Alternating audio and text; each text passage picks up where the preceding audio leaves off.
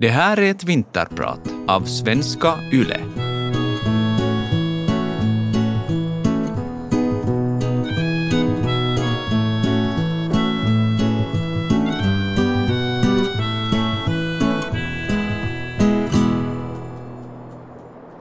Vilket år det har varit. Ibland tänker jag att det här året har varit som coronan. Det tar aldrig slut. Man borde bara rycka upp sig. Men vi finska kvinnor, och varför inte männen också, har just sisu. Och det ordet är så bra att det har tagits in i Svenska Akademins ordlista. Där definieras det som seg, kraft och uthållighet. Eller kampvilja. Och det stämmer. Så låt oss prata om det. Jag kommer att tala om starka kvinnor och min egen familj, men också om den finska traditionen. Och eh, så ska vi förstås prata lite om männen. Det hör ju också till livet. Det gör livet lite besvärligt ibland, men säkert också intressant. Under åren 1912-1917 fick min mormor Ida fyra barn, men eh, hade inget äktenskap. Hon brukade säga att det angår varken staten eller kyrkan vem jag delar mitt bröd eller min säng med. Inte så hemskt ovanligt idag, men för hundra år sedan såg man på det med helt andra ögon. Det som gör saken lite speciell är att min mormor Ida Överström föddes år 1881 i Karesujo. Det sägs att eh, hon var pratsam, att hon hade en vass tunga och gärna skrattade. Jag vet inte så mycket om hennes liv annat än att eh, hon var dotter till en smed och själv hantverkare och eh, att hon inte ville våga sig i normen. Att ha fyra barn men inget äktenskap var inte helt ovanligt inom arbetarrörelsen. Man talade om samvetsäktenskap. Jag heter Tarja Haronen och jag är din vinterpratare idag.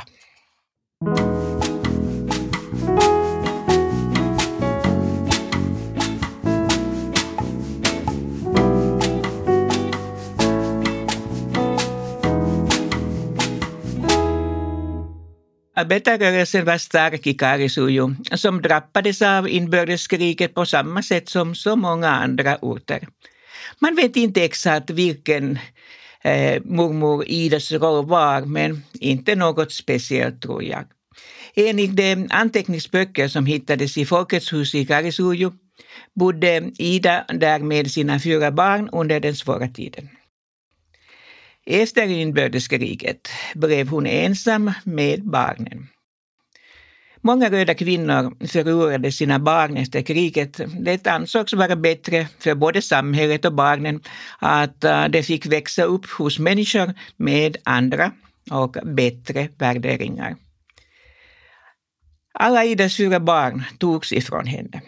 För de två äldsta hittade man familjer som tog hand om dem, medan de två yngsta placerades på barnhem i Karesujo. Min mamma var yngst, hon var bara ett år gammal när inbördeskriget tog slut. Mamma talade aldrig om sin barndom med mig.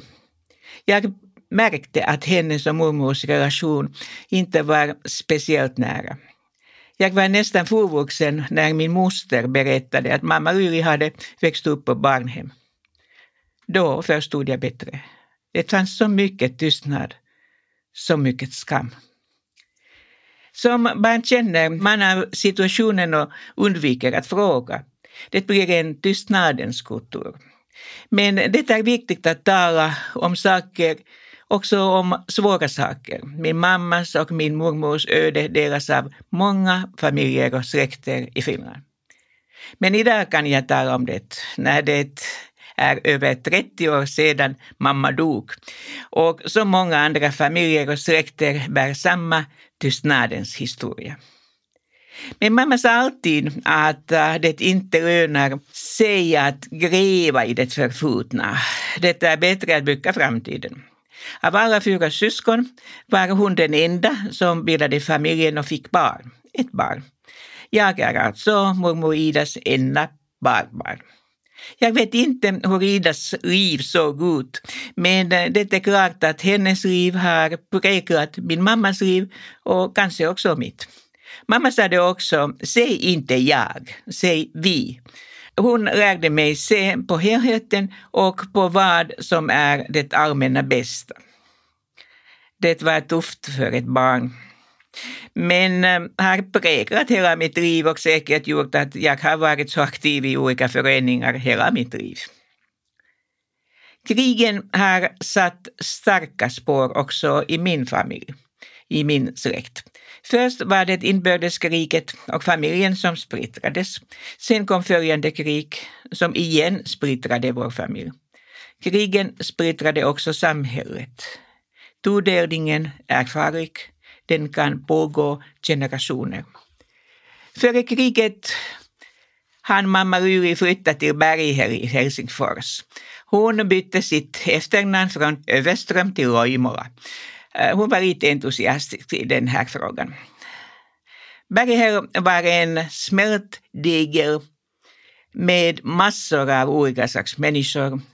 Eh, det var flest arbetare och fattiga. Det kunde bo tio personer i ett rum. Så var det i flera städer i Finland på den tiden. När jag var barn var Helsingfors mera en samling små byar än en stad. Långa bron i Hagnäs var en osynlig gräns. Vi som bodde norr om bron var vanliga arbetarfamiljer och hade sällan anledning att korsa bron. De som bodde söder om bron, i de fina stadsdelar, hade icke heller orsak att besöka andra sidan. De nya förorterna fick en liknande klassuppdelning. Men utvecklingen av kollektivtrafiken ledde till att man kunde börja utvidga sitt revir och röra sig över större områden. Idag bor jag igen nära mitt barndomshem i Hagnäs som har blivit en mycket dyrare stadsdel än förr. Hagnäs i Berghäll är fortfarande en smältdegel men nu blandas här olika nationaliteter. Mamma träffade min pappa och i i Berghäll under kriget. De gifte sig krigsjulen 1942 och jag föddes precis ett år senare på julaftonen. Med pappa ännu vid fronten. Mamma och jag var i Berghäll även när bomberna föll i januari 1944 och vi tillbringade mycket tid i bombskydd. Slutligen tog krigen slut och pappa kom tillbaka. Jag har ganska få minnen av honom. Det var inte lätt att komma hem och börja leva ett vanligt liv. Också familjelivet blev svårt. Hans öde delas av många andra finska män.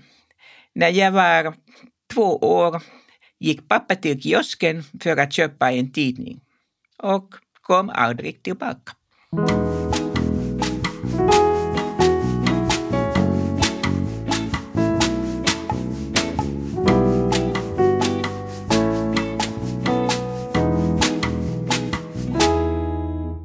Mina föräldrar skilde sig och Uri träffade efter några år Torefors. Han var en finlandssvensk elmontör, en svenskspråkig socialdemokrat. Tore läste tidningar och böcker på både finska och svenska. Det var konstigt, för i min värld var det normalt att arbetarna var finskspråkiga. Och nu var alla mina nya kusiner tvåspråkiga. Ture var krigsveteran och pacifist. Han skrev ut sig ur kyrkan när freden kom. Han kunde inte acceptera att prästerna predikade att ryssen var av Satan. Men ingen är av Satan, sade Tore.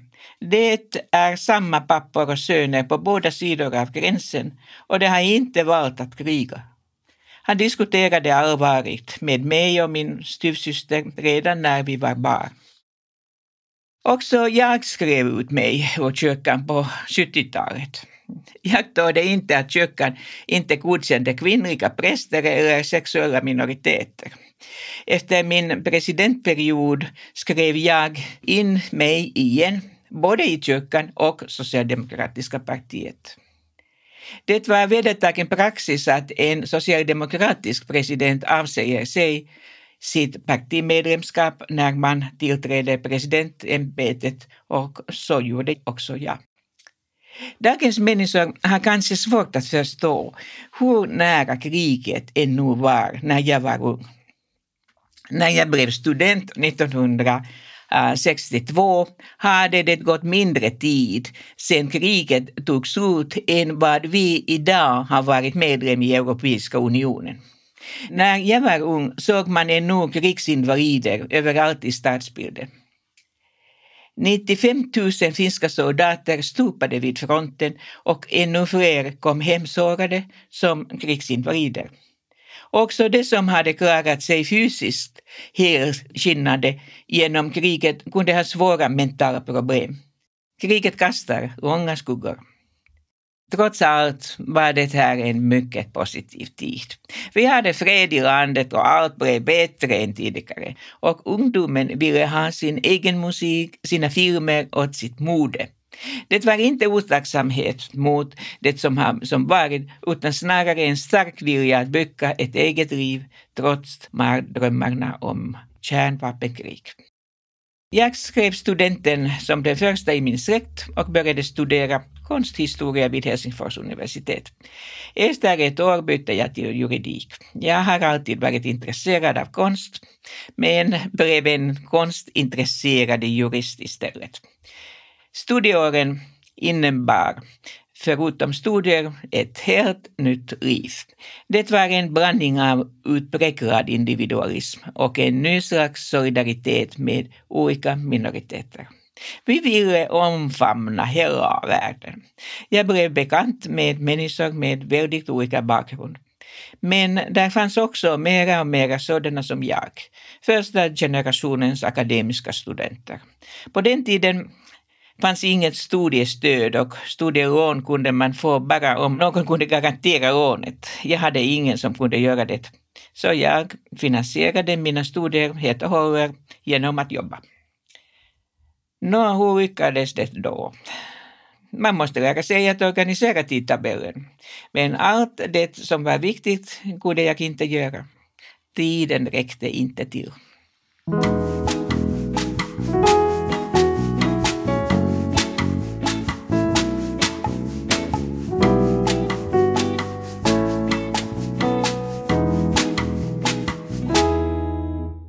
Jag fick möjligheten att jobba för SU. Eh, på svenska det är Finlands studentkårers förbund. Vi vill eh, demokratisera universiteten och förbättra studenternas socialekonomiska situation. Jag var aktiv i flera föreningar, bland andra Sex på Zeta som jobbar för mänskliga rättigheter och lika behandling av alla oavsett sexuell läggning eller könsidentitet. Så fortsatte det. Vi unga ville som alla unga förändra världen. I flera länder var det oroligt i slutet av 60-talet med sammandrabbningar mellan aktivister och poliser. I Amerika blev det tvärtom, där blev hippierörelsen stark. Här i Finland kanaliserade vi unga vår frustration via politiken.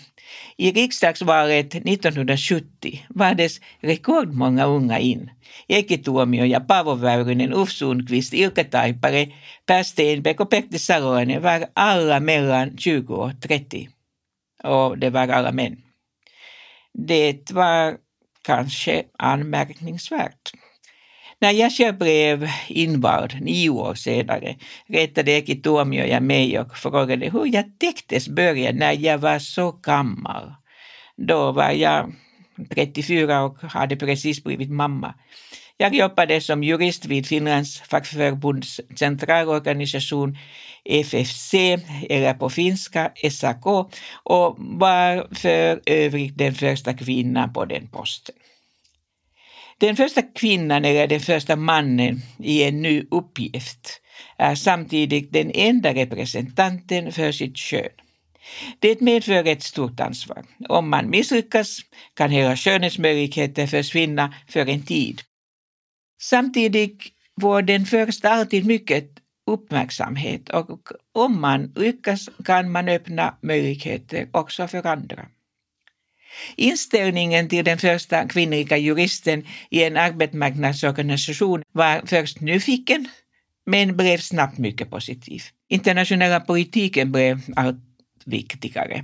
Jag hade goda läromästare. FFCs ordförande Niro Hammarainen bad mig bli fackets representant i Finlands flyktinghjälp. Där lärde jag känna både Helvi Sipilä och professor Heikki Varis. Jag fick sätta mig in i allt från hur de chilenska flyktingarna hade det till vilka konsekvenser delningen av Tyskland skulle få för det politiska läget i Europa. Inom fackföreningarna upplevde vi arbetarpartiernas problem så starkt att vi ville eh, hålla lite avstånd till dem. Nå, när jag sen blev mammaledig vintern 1978 ställde jag upp i riksdagsvalet. I mars var jag riksdagsledamot och mamma. Min dotter Anna var bara några månader gammal. En plats i riksdagens socialutskott och senare som socialminister blev en naturlig fortsättning. Det var inget konstigt med en kvinna där. Snarare var det en tradition när det gällde att ordna barnets dagvård. På den tiden tänkte man att dagvården inte är mannens problem. När jag sen blev justitieminister undrade folk mest om jag faktiskt var jurist. Så kort är minnet i politiken. Inom ministeriet hade jag inga problem, men det stod fler svåra ärenden att ta itu med. Flera av tjänstemännen var gamla studiekompisar och min gamla professor Inger Anttila hade också varit minister.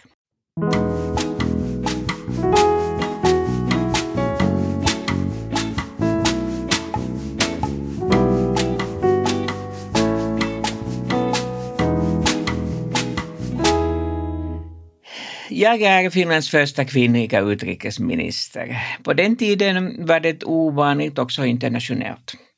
Kollegierna var först lite ovana, men långsamt blev vi fler.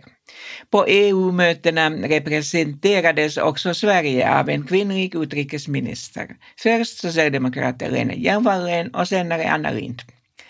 Finland har tyvärr inte haft andra kvinnliga utrikesministrar efter mig. Men visst var det ibland nyttigt att vara kvinna. Vi skapade nya nätverk. USAs Madeleine Albright var den första kvinnliga FN-ambassadören och senare utrikesminister. Hon var en feminist som gärna träffade andra kvinnor och eh, tillsammans byggde vi upp ett globalt nätverk. Det var inte pop att betona kvinnlighet i finsk politik på den tiden. Röda högklackade skor var inte lämpliga. Den vanliga uniformen bestod av svarta byxor och en blazer i någon färg upp till. Ofta hade och har också kvinnliga politiker en partner, vanligen en man. Under utrikesministrarnas årligen återkommande inofficiella möte var också våra gemåler, alltså våra män, inbjudna. Där satt Renas man och min man Penna tillsammans med de andra gemålerna på modevisningar eller så fick de bekanta sig med hemligheterna med porslinmålning. Det här fortsatte under mina perioder som president. På globala möten och besök i Mellanöstern var det utmanande att organisera programmet för de medföljande männen, även om det var den inbjudna presidentens gemål. Jag brukar ibland skämta och säga att en kvinnlig ambassadörs idealman är en rörmokare som spelar piano. Det beror på att utrikesministeriets medel för både fastighetsunderhåll och kultur är snålt tilltagna. För en politiker är det praktiskt att ha en forskarman. Han älskar djur att försjunka i sina böcker. Det har nog inte varit så lätt för Penna att vara president presidentgemål alla gånger. tur att han har haft en egen karriär och sina böcker.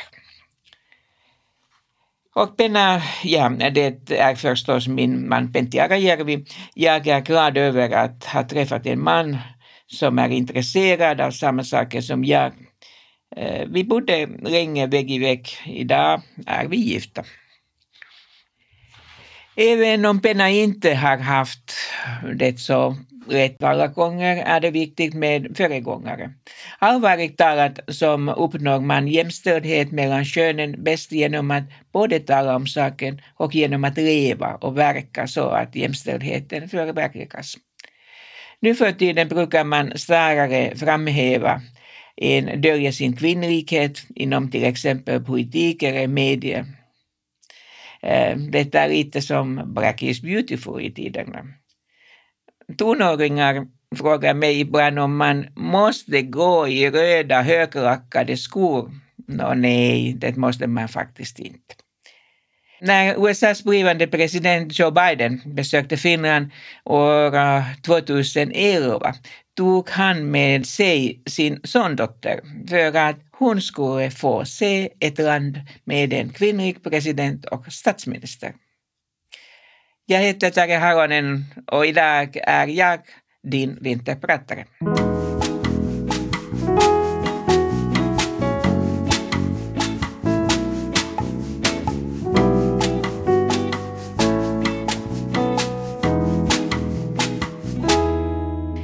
Jag har haft lyckan att leva i en tid då Finland har öppnat upp internationellt. Jag har sett politiken, affärsvärlden och kulturen bli mer internationella. Finland har både fått och gett. Världen har sett många katastrofer som har orsakats av både människan och naturen. Idag kan vi följa med händelserna nära, ofta i realtid. Våra attityder står också bakom förändringen. Att vi tog emot flyktingar från Chile och Vietnam var ett bevis på våra förändrade attityder. Samtidigt skapade enskilda frivilliga donationer grunden för staten Finlands förändring och för att anslagen för utvecklingssamarbete togs in i statsbudgeten. Vår medverkan först i Europeiska rådet och sen i Europeiska unionen har knutit oss närmare eh, det internationella samarbetet. Idag stöder Finland en internationell politik där både stora och små stater kan påverka. Redan som republikens president var jag med i FNs verksamhet. År eh, 2000, samma år jag blev president, hölls en specialsession för att godkänna millenniemålen. Finland blev ordförandeland för FNs generalförsamling hösten 2000 efter Namibia. Därför eh, valdes eh, Namibias president Sam Nujoma och jag till ordföranden för mötet. Sen tog Harry Holkeri vid och fortsatte efter jubileumsmöte som ordförande för generalförsamlingen i ett år. Jag hade blivit bekant med Holkeri redan på 1980-talet då jag satt i hans regering. På den tiden var statsminister mera som en ordförande för regeringen och ministrarna hade kontakt direkt med honom. Han var hygglig och stödde mig flera gånger när justitieministerns arbetsuppgifter blev besvärliga. Vårt samarbete fortsatte också senare. Efter millennieskiftet fortsatte jag som ordförande för den internationella arbetsorganisationen ILOs internationella kommission för globaliseringens sociala verkan tillsammans med Tanzaniens president Benjamin Mkapa. Det kom att bli en av mina bästa erfarenheter av internationellt samarbete. Vi jobbade för sysselsättning och lyckades formulera en gemensam syn i en svår fråga i en tid när demonstranterna protesterade runt om i världen mot de sociala missförhållanden som globaliseringen förde med sig. Kappa och jag förblev vänner ända fram till hans död. Jag har kontakt också med andra medlemmar i kommissionen som Nobelpristagaren Joseph Stiglitz och um, Valentina Matvienko som bland annat var guvernör i Sankt Petersburg och ordförande för Rysslands federationsråd. Full produktiv sysselsättning lades till um, i efterhand till FNs millenniemål jag var också den ena ordföranden för kommittén för hållbar utveckling. Jag representerade norr medan söder representerades av Sydafrika. Vår rapport godkändes i Rio eh, 2012 och på basen av den förhandlades Agenda eh, 2030 eh, och den globala målen för hållbar utveckling fram. Jag har fortsatt jobba för FN och dess olika organ. Jobbet är obetalt men man får sina resekostnader ersatta. Uppdragen är ofta tunga men samtidigt är det viktigt och fint att kunna jobba för frågor som är viktiga, både för mig personligen och också för oss finländare. Det handlar om demokrati, mänskliga rättigheter eller hållbar utveckling som helhet. Det jobbet tar aldrig slut och man blir aldrig färdig. Utvecklingen måste fortsätta. Om man ändå ser tillbaka så visst har det skett en positiv utveckling både här hemma och i andra länder.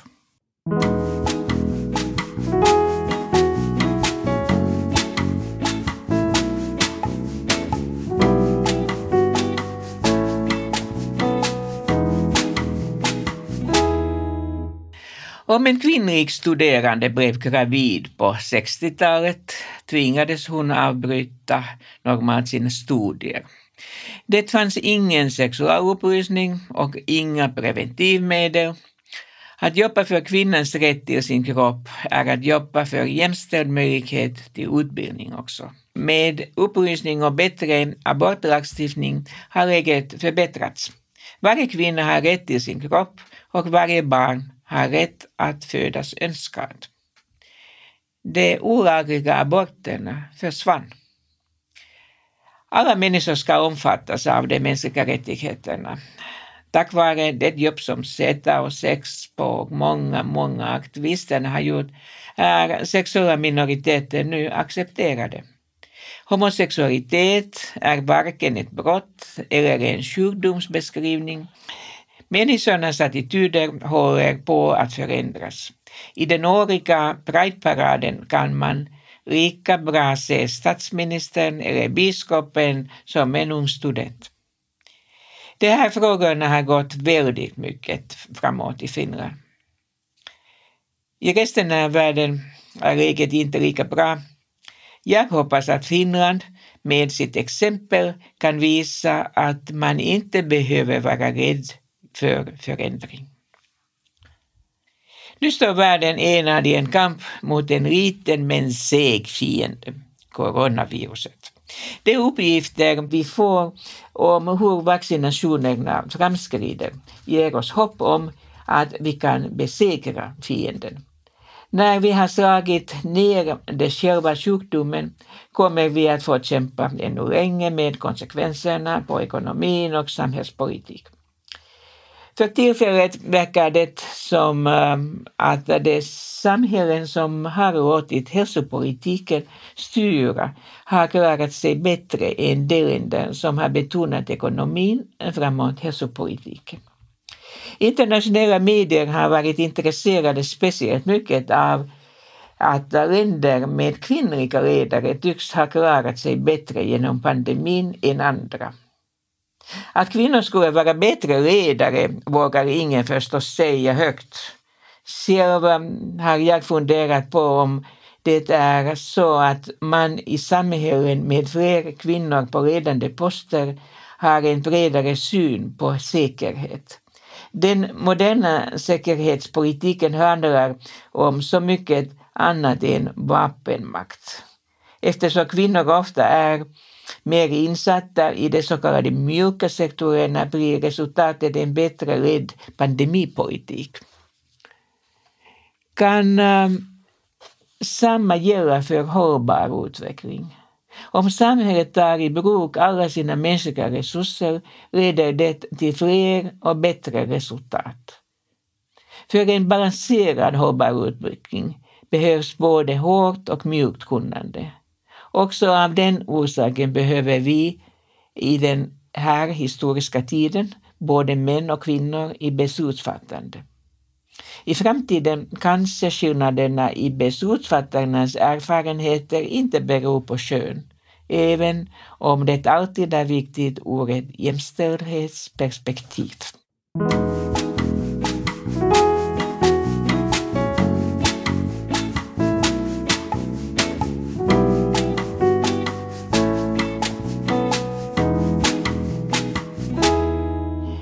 Den här tiden vi lever i kan vara slutet på en era och början på en ny.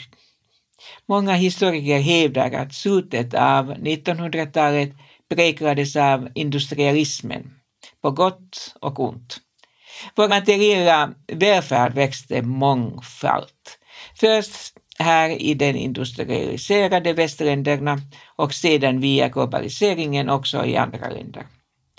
Både industrialismen och globaliseringen har ökat människans välfärd ojämlikt. Samtidigt som vi fick eh, det bättre ökade de ekonomiska skillnaderna. Det hände både inom länder och mellan länder. Vid millennieskiftet visade hela planetens bokföring att vi förbrukar för mycket naturresurser och att fördelarna och skadorna fördelar allt mer ojämlikt. Så behovet av en mer hållbar utveckling blev starkare. En annan utvecklingstrend har varit kvinnornas frigörelse, emancipation, som gick snabbt framåt under hela 1900-talet. När målet för hållbar utveckling godkändes i FNs specialsession år 2015 sade generalsekreterare Ban Ki-Moon att mänskligheten behöver alla sina resurser, både män och kvinnor, för att nå målen. Jag tycker att man har vaknat till de mänskliga rättigheterna under de senaste hundra åren. Men livet har alltid varit oförutsägbart. Kanske mindre idag än tidigare. Vår tolerans för att klara av sånt vi inte kan kontrollera har minskat. Om tåget eller bussen är någon minut sena blir många av oss stressade. I någon annan del av världen kan det istället vara en orsak till glädje om tåget eller bussen kommer något sånär i god tid. I samma takt som eh, vårt samhälle utvecklas växer en delvis falsk känsla att vi kan kontrollera världen och vårt eget liv. Vi kan sköta sjukdomar bättre än tidigare, men vi kan inte sköta allt. Vi kan avbryta en graviditet, men vi kan inte bestämma att barn ska bli till. När samhället har utvecklats har det på många sätt blivit bättre, tryggare och mer tekniskt avancerat. Samtidigt har det blivit känsligare för skadegörelse. För att garantera vår säkerhet begränsas vår frihet. Våra förväntningar, våra drömmar om livet har förändrats. Också mina egna förväntningar har förändrats med åren. Jag har inte kunnat ge upp mitt arbete som jag planerade, men eh, det har coronan nog hjälpt åtminstone tillfälligt med mindre resande. Som barn kändes det som om tiden gick väldigt långsamt. Alltid var man för ung för mycket av det som lockade i vuxenlivet. Och sen plötsligt är ungdomen förbi och medelåldern knackar på dörren. Medelåldern är en tid som inte förknippas med spänning eller glans. Men så här efteråt ser jag den tiden var fin. Den omfattade både tiden med barn hemma och den brådaste tiden i yrkeslivet.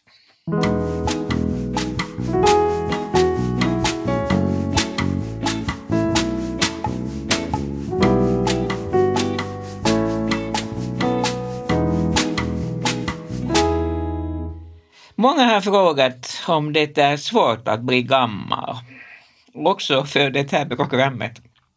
Just den saken har jag inte riktigt hunnit tänka på så, så mycket. Jag har mera krämpor jag än tidigare och när jag har planerat framtiden skymtar redan någon slags konstig bakre gräns där långt borta vid horisonten. Den gränsen har förstås alltid funnits, men det har blivit svårare att äh, ignorera den. Hela livet handlar om att avstå eller ge upp något. När man avstår bereder man samtidigt plats för något annat. Det är svårare att acceptera att livet är ändligt. Och eh, att det är ett mysterium ända till slutet. En viss osäkerhet hör till livet. Det eh, är inte förutbestämt och det ger dig och mig en möjlighet att påverka händelser. Jag vill gärna citera Tove Jansson som i sin bok Trollvinter skriver Allting är mycket osäkert och det är just det som lugnar mig, sade Tutik.